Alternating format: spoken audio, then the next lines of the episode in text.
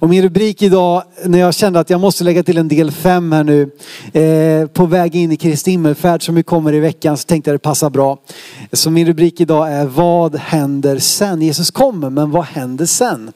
Eh, nu ska vi läsa ifrån Johannes kapitel 16 och eh, vers 33.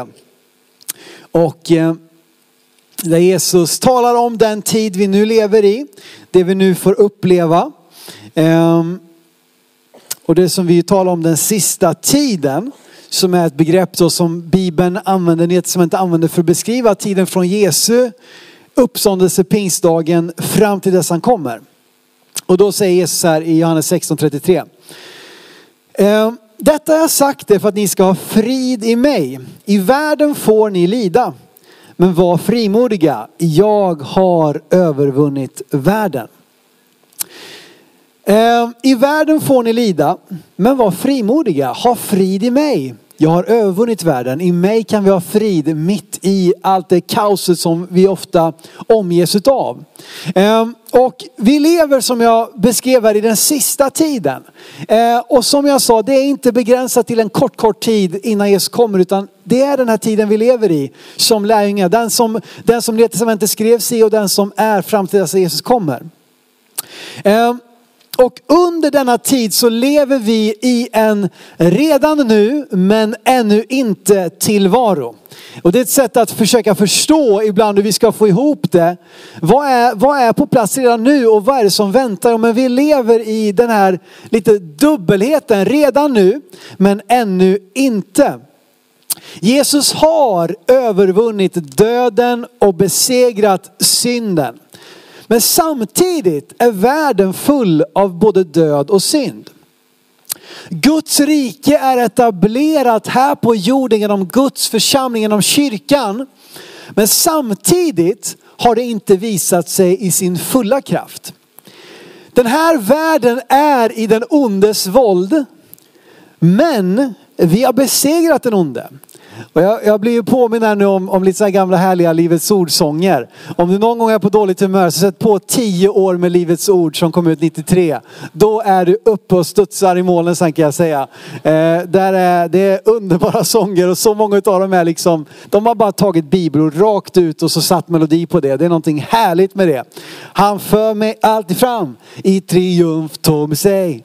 Om Gud är på sida, vem kan då vara emot mig? Och jag är stark, för Guds ord förblir i mig. Och jag har besegrat den onde. Oh, han för mig alltid fram. Och så fortsätter det, fortsätter det, fortsätter det. Om och om och om och om igen. Eh, så vi är i en värld som är en ondes våld. Men vi har besegrat den onde genom Guds ord. Hämtat rakt ur första Johannesbrevet. Och så läser vi den här texten. I den här världen får vi lida, men Jesus har övervunnit världen. En redan nu, men ännu inte tillvaro.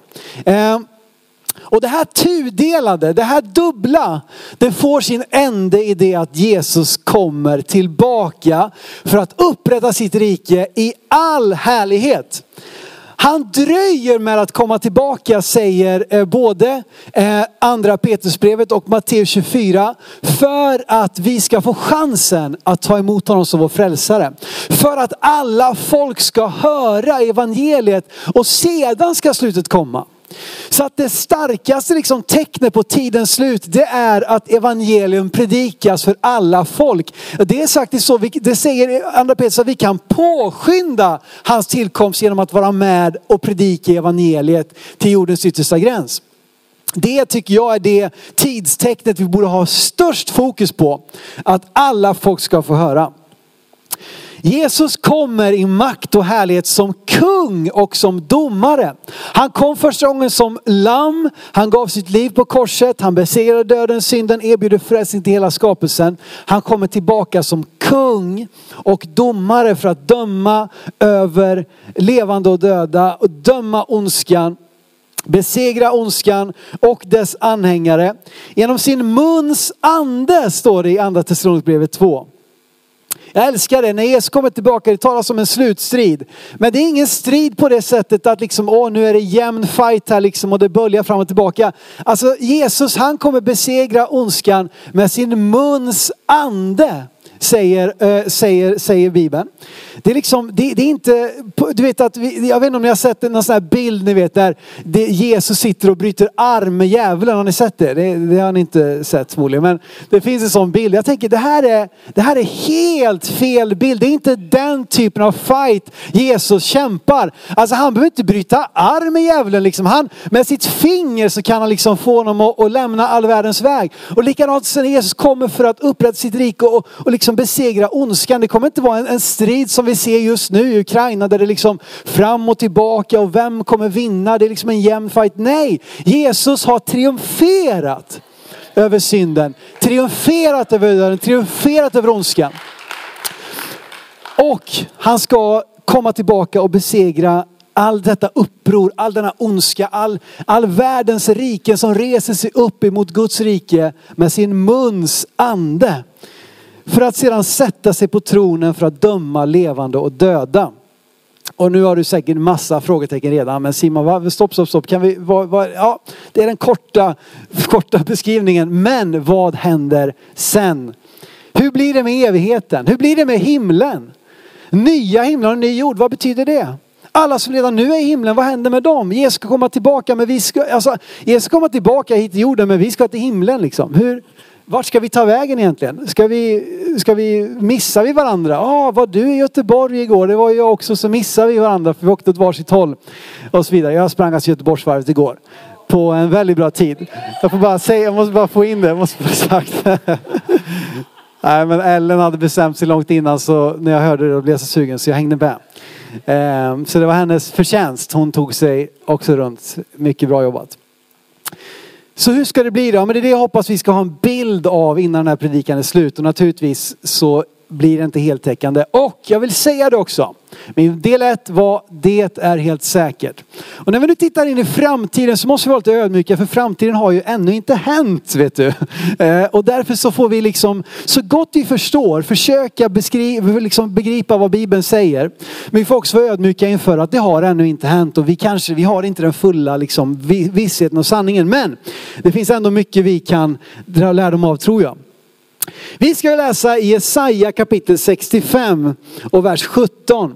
Det här är ett eh, kapitel som ofta används just för att, att beskriva den sista tiden. Och eh, eh bara plocka fram någonting som Nya författare också hämtar ifrån vers 17 här. Eh, och Jesaja skriver så här då i sin, i sin eh, 65 kapitel 17 versen. Se, jag skapar nya himlar och en ny jord och man ska inte mer minnas det förgångna eller tänka på det. Jag skapar nya himlar och en ny jord. Och så bläddrar vi fram nu då till andra Petrus. Så tyckte jag hade precis kommit fram till Jesaja. Följ med nu fram till andra Petrus. Precis i slutet på, på eh, eh Nya för Johannesbreven. Så kommer vi in här då eh, i andra Petrus 3 och 13.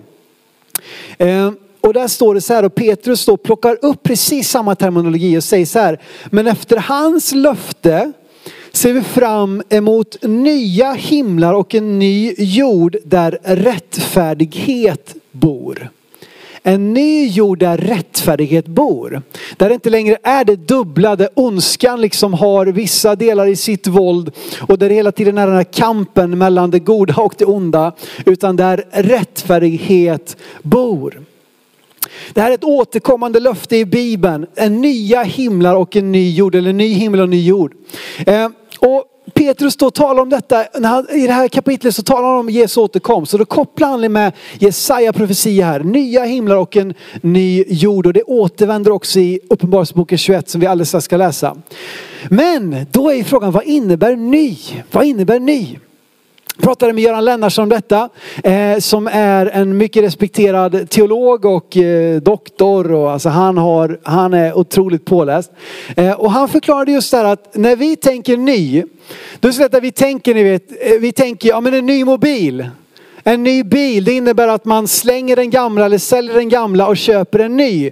Det är väldigt lätt att det är det sättet vi nu tänker in en ny jord. Som i att den gamla ska vi slänga och liksom, vi lever i det här slit och slängsamhället även om vi nu eh, blir mer och mer liksom vanligt med, vi måste tänka hållbart, vi måste återanvända, vi måste vårda, ta hand om. När min pappa var liten då lagade man saker som gick sönder. Va? Då slängde man dem inte, nej men ni vet, det är lätt att bli lite så eh, gubbig när man blir pappa. Men i alla fall.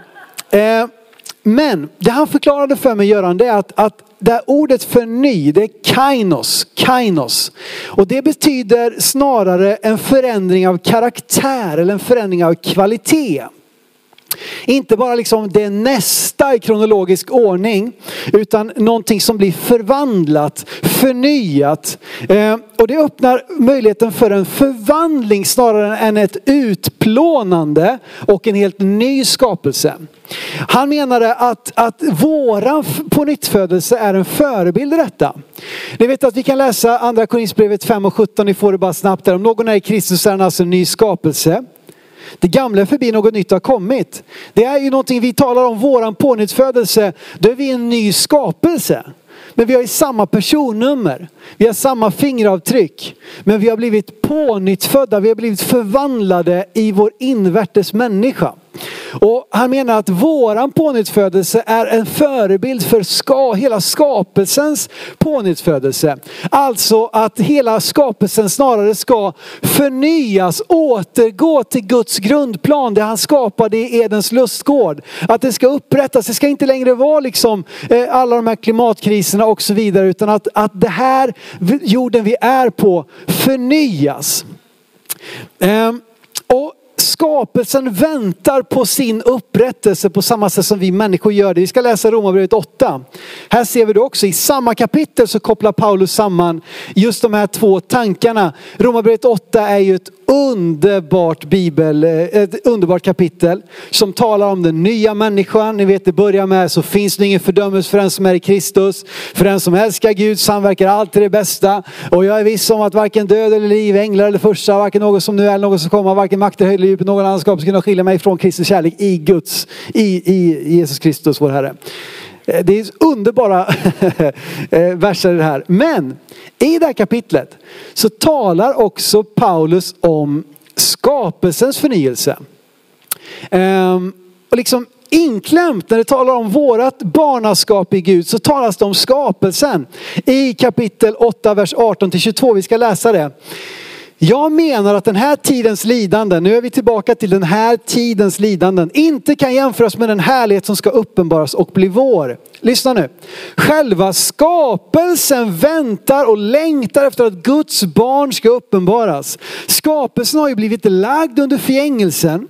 Inte av egen vilja utan genom honom så lade den där under. Ändå finns det hopp om att även skapelsen ska befrias från sitt slaveri under förgängelsen och nå fram till Guds barns härliga frihet. Själva skapelsen. Vi vet att hela skapelsen gemensamt fortfarande suckar och våndas. Alltså skapelsens upprättelse är något som väntar. Den härliga frid som Guds barn har fått erfara ska också hela skapelsen få erfara. Ehm, men nu är den lagd under förgängelse, alltså den är nedbrytbar. Och låt oss gå tillbaka till Jesaja. Det är mycket bibelord som jag har känt i det här temat så vill jag inte bara stå och babbla på utan det finns tillräckligt med teorier eh, och jag tror att vi hittar sanningen och svaren i Guds ord. Ehm, Jesaja 51 och 6 det står så här, lyft er blick till himlen och se på jorden där nere. För himlen ska försvinna som rök och jorden nötas ut som en klädnad. Dess invånare ska dö som mygg, men min frälsning ska bestå för evigt. Min rättfärdighet ska inte brytas ner. Det står att jorden ska nötas ut som en klädnad vet att det räcker att backa, vi behöver inte ens backa hundra år för att det skulle vara en helt otänkbar tanke. Vadå jorden nötas ut som en klädnad? Den är ju, det är ju o, alltså vi, vi gräver och vi pumpar olja och vi fiskar i haven och vi liksom, det, det är ju, o, det är ju o, oändligt med resurser på den här planeten. Ni vet optimismen som var in i liksom 1900-talet, liksom att vi, nu, nu, är det, nu är det bra tider här vet du. Gott om, om djur i skogen och fiskar i haven och olja i backen och överallt.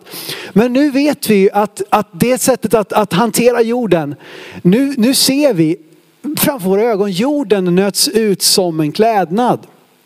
Det har inte varit så länge som det har varit så uppenbart för oss idag. Eh, och eh, en del då upplever i detta närmast en klimatångest. Det är en helt ung, helt ung generation som, som känner en ångest eh, kopplat till klimatet, kopplat till vår värld som, som så tydligt håller på att brytas ned. Och här behöver vi ta ett ansvar att vara goda förvaltare av den skapelse som Gud har lagt i våra händer. Eh, och inte liksom, det, det, jag tror absolut att vi ska ta ansvar för, för den, den jord Gud har satt oss på som förvaltare. Det, förvaltarskapet gäller hela våra liv, inte bara liksom vår ekonomi eller, eller våra barn utan allt det vi har att göra med. Men fortfarande så tror jag inte liksom att hoppet för skapelsen, hoppet för miljön är inte att, står inte att finna liksom i Glasgow-konferenser eller Köpenhamnpakter och Parisavtal. Även om det är bra, eh, trots att man känner att det verkar nästan omöjligt att få liksom alla stormakter att förenas i någon slags gemensam strategi för hur vi ska ta hand om den här planeten. Och sen kommer det krig som liksom bara får alla de här miljötänket att krascha och så vidare. Och det kan kännas hopplöst. Men vet du vad hoppet för miljön, hoppet för skapelsen finns i mötet med skaparen. Där finns hoppet för skapelsen. Där finns hoppet för miljön. Guds frälsningsplan gäller hela hans skapelse. Eh, han vill upprätta den så som det var före syndafallet. I denna upprättelse som han kommer göra när han kommer tillbaka så kommer det då att övergå tror jag i evigheten. Jesus kommer för att upprätta jorden, inte föra oss bort ifrån jorden. Ehm, och det här kanske är liksom, det här verkar konstigt, liksom. hur ska vi få ihop det? Vi ska väl till himlen? Jo, mm, eh, och det här är liksom lite svårt ibland. Men låt oss läsa nu då Uppenbarelseboken 21 innan vi ska gå vidare lite grann här. Ehm, in i en annan tanke. Men jag vill bara förvisa för det, för jag tror nämligen att evigheten kommer att vara här på jorden. Men i en upprättad på en, upp, i en upprättad jord eh, som inte längre är lagd under förgängelsen. Och vi läser Uppenbarelseboken 21 och nu är vi inne i slutet. Nu är vi inne i de härliga kapitlen. Efter all vedermöda, alla plågor, alla basuner och alla, alla hästar och så vidare. Vredeskålar och allt som nu ska hända under den, här, under den sista tiden. Eh, så läser vi sen då om just detta och se nu hur det kommer tillbaka det här med ny himmel och ny jord. Uppenbarelseboken 21 från vers 1 och fram till vers 6. Och jag såg en ny himmel och en ny jord. Kainos. Någonting förnyat, förändrat, förvandlat. Den första himlen och den första jorden var borta och havet fanns inte mer. Och jag såg den heliga staden, det nya Jerusalem, komma ner från himlen från Gud. Den kommer ner från himlen, hit till jorden. Det nya Jerusalem. Redo som en brud som är smyckad för sin man. Och jag hörde en stark röst från tronen. Se, nu står Guds boning bland människorna. Han ska bo hos dem och de ska vara hans folk och Gud själv ska vara hos dem. Han ska torka alla tårar från deras ögon. Döden ska inte finnas mer. Ser ni det är slutet på det tudelade. Döden ska inte finnas mer. Ingen sorg, ingen gråt, ingen plåga. För det som förr var är borta borta. Andra Korinthierbrevet 5 och 17. Det gamla är förbi, se något nytt har kommit. Och så vers 5. Han som satt på tronen sa, se jag gör allting nytt. Och han sa, skriv för dessa ord är trovärdiga sanna. Sedan sa han till mig, det har skett. Jag är A och O, alfa och omega, begynnelsen och änden. Och den som törstar ska jag, ska jag fritt ge ur källan med livets vatten. Du vet att vi var inte skapade för död. När Adam och Eva föll i synd så var Gud tvungen att förkasta, liksom driva ut dem ur Eden för där fanns livets träd. Livets träd som innebar ett evigt liv. om de hade ätit av detta träd i sitt syndiga tillstånd hade de varit dömda till evig död. Men Gud i sin kärlek fördrev dem innan det, det liksom oåterkalleliga hade hänt. Så att, och sen då inleder han sin frälsningsplan som vi ska få se fullbordat i detta. Där ondskan inte längre ska finnas. Men jag vill bara att ni ska se den heliga staden ska komma ner. Guds boning ska stå ibland oss. Ehm, så att jag tror helt enkelt att, att en ny himmel och en ny jord det är en förvandlad, en upprättad, där skapelsen som nu är lagd under förgängelsen ska få erfara samma underbara frihet som Guds barn har upplevt.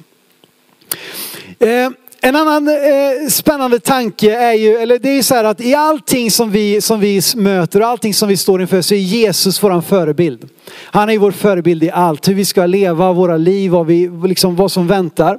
Och eh, i det här så, eh, så, så, eh, så samtalade jag också med en annan härlig, härlig man som heter Niklas Pienso.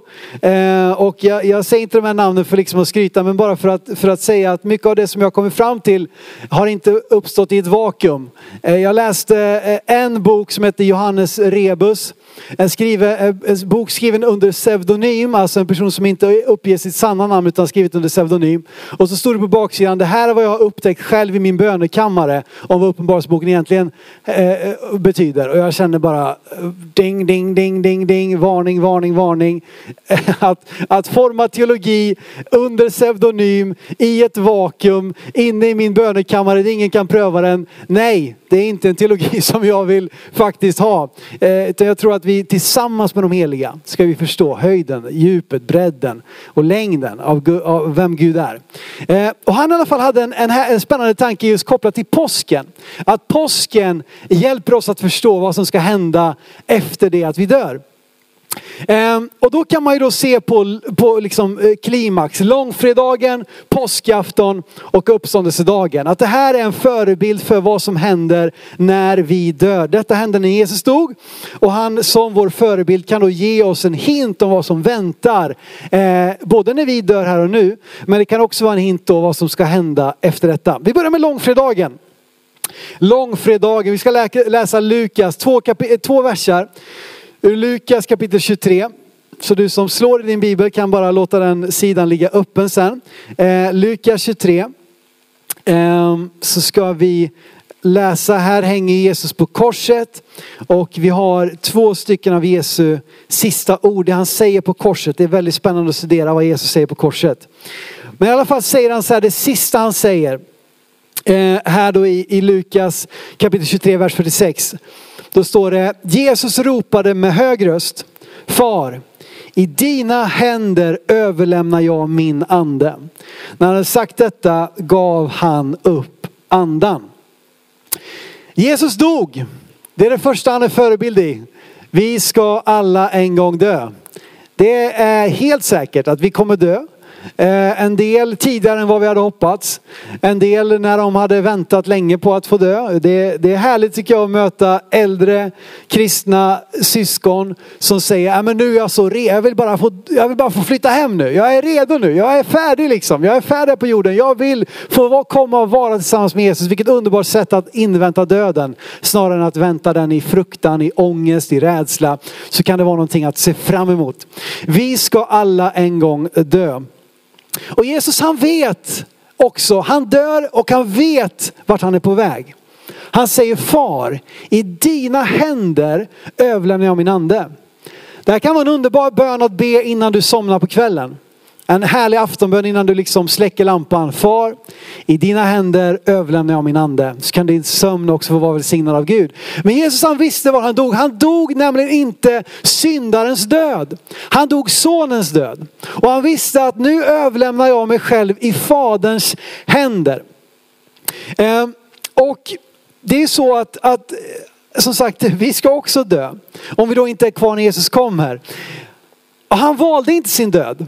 Han sa ju om det är möjligt så låt den här bägaren gå mig förbi. På samma sätt, vi får inte heller välja hur vi dör. Men vi vet att vi kommer dö. Men Jesus omdefinierar döden. Just i detta att det är så ångestladdat, att det kan vara så fullt av rädsla, att människor känner en vånda inför att de ska dö. Så behöver inte vi känna det, utan vi kan få dö sonens död. Han har besegrat döden, han har besegrat synden. Eh, inte ens döden kunde hålla honom.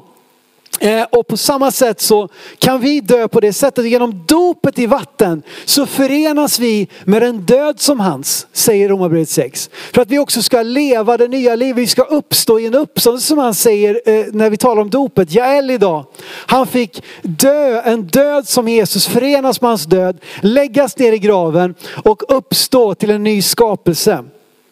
På samma sätt så kan vi få dö sonens död, inte dö syndarens död. Och eh, du vet att i detta så säger vi detta som jag tycker är så vackert, att vi går inte bort. Vi går hem. När vi dör så säger vi inte, ja ah, han har gått bort. Nej, han har gått hem. Och jag älskar den tanken att Jesus, när jag dör då ska jag få gå hem men hem till dig och få vara hos dig för alltid. Vi går inte heller förlorade. Vi blir räddade. Det är en väldig skillnad i syndarens död och i sonens död. Och du och jag kan få dö sonens död genom tron på Jesus som bekräftas i dopet där vi förenas med hans död och också hans uppståndelse. Så kan vi få leva det nya livet med honom. Alright, långfredagen, vi ska alla en gång dö. Sen då kommer påskafton. Och det här är ju lite bortglömd eh, liksom dag i påskveckan. Eh, alla, I alla fall när vi tänker en kristen kontext. Och det, eh, alla andra dagar har ju liksom tydliga kopplingar vad som händer, vad Jesus gjorde. Men påskafton kan vi vara lite såhär, ja vad, vad hände egentligen? Och det här har ju förbryllat kristna i alla tider. Ehm, och, och liksom man har försökt, och, och, här vill jag också vara lite ödmjuk för absolut att säga att jag inte har stenkoll på vad Jesus gjorde. Men det finns också här i hans sista ord hintar om vad han gjorde. Ehm, och ehm, det vi vet eh, om eh, första Petrus 3 talar om att Jesus efter sin död tar vägen förbi dödsriket för att ta fångar, för att befria de fångar som hade varit liksom, eh, som ännu, ja, som fanns där, har dött i tro på, på Gud men, men före Jesu frälsning och att han är där och tar med sig fångar. Men han stannade inte dödsriket. Han var inte där i flera dagar. Det gick snabbt för Jesus tror jag. För vad säger han några verser innan här när han pratar med en av rövarna på korset. Som hänger, han, han blir korsfäst med en rövare på varsin sida om sig. Och om vi bara backar upp då till vers 42 i Lukas 23. Så står det där, den ena rövaren hade respekt för Jesus. Den ena hånade honom men den andra hade respekt. Och den som hade respekt han säger så här. Han sa Jesus, tänk på mig när du kommer till ditt rike. Jesus svarade, jag säger dig sanningen, idag ska du vara med mig i paradiset. Han bad om en tanke men han fick ett evigt liv. Idag ska du vara med mig i paradiset. Om Jesus, när Jesus gick till dödsriket, han var inte där länge, han gick till snabbt för samma dag så säger han att jag ska vara med min fader i paradiset. I din, dina händer överlämnar jag min ande. Idag ska vi vara tillsammans i paradiset. Eh, och han går till sin fader. Eh, och jag tror att på påskafton vad vi ofta gör det är att ja, men då är vi ofta med familjen. Vi firar, vi äter god mat, vi, vi har påskäggsjakt och vad vi nu har för traditioner. Vi, liksom, vi, vi, vi firar tillsammans. Och jag tror att det är också vad Jesus gjorde här på påskafton. Att han fick vara tillsammans med sin far i himlen. Och det tror jag är vad som väntar eh, när vi dör. Vi får gå för att vara tillsammans hos Fadern, hemma hos Herren. I paradiset. I väntan på uppståndelsen. I väntan på uppståndelsen så får vi vara tillsammans med Gud i paradiset. Precis som Jesus gjorde, eller precis där Jesus var innan sin uppståndelse. Men det kommer ju tack och lov en söndag. Det stannar inte på lördagen, det kommer en söndag, det kommer en uppståndelsedag. Så efter att vi har dött Jesus dog på, på, på, på korset men inte syndarens död, han dog sonens död. Vi ska också dö, vi behöver inte dö syndarens död, vi kan dö sonens död. Vi kan få veta att när vi gör det så kommer vi för att vara tillsammans med alla de heliga, med Fadern själv i paradiset. Men så kommer en uppståndelse.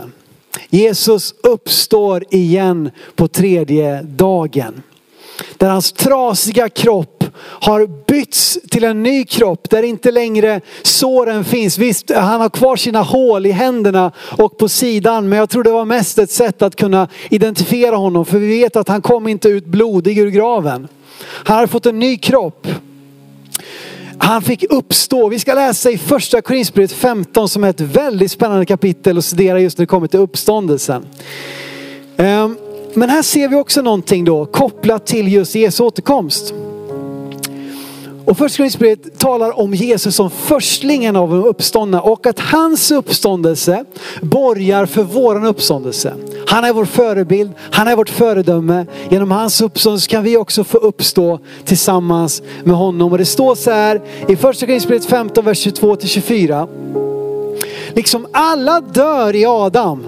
Ni vet den första Adam, han föll i synd. På samma sätt så dör vi genom synden. Vår ande är död utan Jesus, utan hans förlåtelse. Men liksom alla dör i Adam så ska alla göras levande i Kristus. Men var och en i sin ordning. Kristus som först, förstlingen. Och därefter, lyssna nu, när han kommer. Kristus har uppstått som förstlingen och därefter när han kommer. De som tillhör honom. När Jesus kommer tillbaka då ska vi få uppstå från döden, uppstå från det döda, uppstå till, eh, med en ny, en ny skapelse. Eh, och det är också någonting som Uppenbarelseboken talar om i det 20 kapitlet. Det som tillhör honom. Sedan kommer slutet när han överlämnar riket åt Gud Fadern sedan han gjort slut, här är det igen. Sedan han gjort slut på varje välde, varje makt och kraft. Jesus uppstod igen på den tredje dagen. Han var den första av de uppståndna.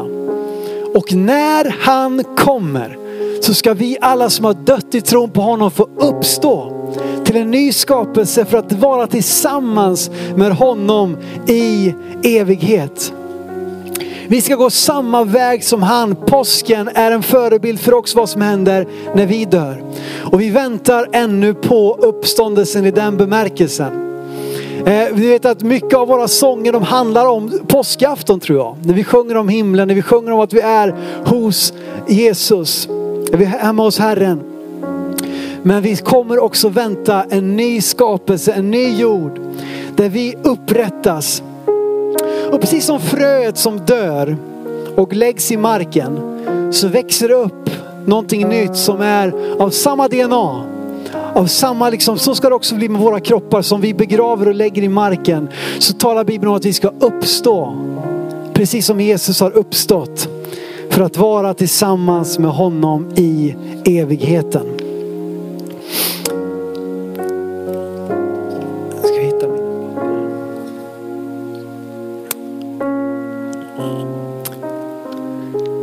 Och vi ska läsa igen ifrån det absolut sista kapitlet nu ifrån Uppenbarelseboken 22. Jag tänker vi ska stå upp när vi gör det. Det kommer en uppståndelse. När Jesus kommer, när han har gjort slut på alla riken och välden, då ska vi också uppstå tillsammans med honom. Och det är ett sånt underbart hopp, det är en sån underbar vetskap att veta att Jesus kommer att komma tillbaka och vi ska få uppstått till nytt liv, evigt liv tillsammans med honom. Uppenbarelseboken 22 säger så här ifrån vers 3 till 7.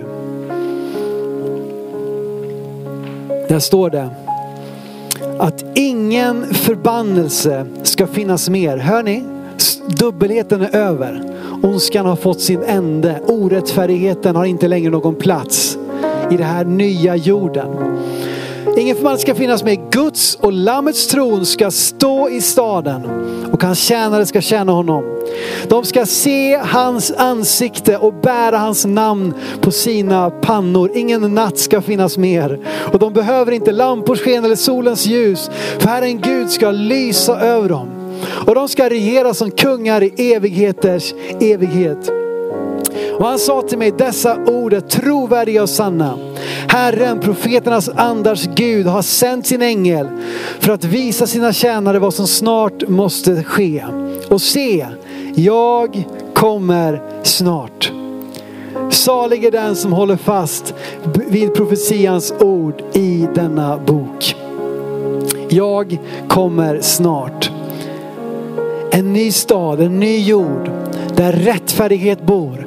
Där orättfärdigheten inte längre har någon plats, där ondskan inte längre ges något utrymme, där ingen plåga, inga tårar, ingen sjukdom längre ska drabba oss. I den här världen får ni lida, men Jesus har övervunnit världen. Men i det kommande, där ska vi inte längre lida, där ska vi få vara tillsammans med Gud själv, med Fader. Vi ska få se honom, ansikte mot ansikte, hans ljus. Hans ansiktes ljus ska inte längre vara som i en spegelbild, det ska inte längre vara en dimridå, utan vi ska se honom i all hans skönhet, i all hans prakt, i all hans härlighet ska vi få se honom och vara tillsammans med honom. Och det här är vårt hopp, det här är det vi väntar. Det här som vi kommer förenas med alla de som har gått före oss i tron. När vi tillsammans får uppstå på den yttersta dagen. Så som Jesus uppstod från de döda ska vi också uppstå till nytt liv i Jesu namn.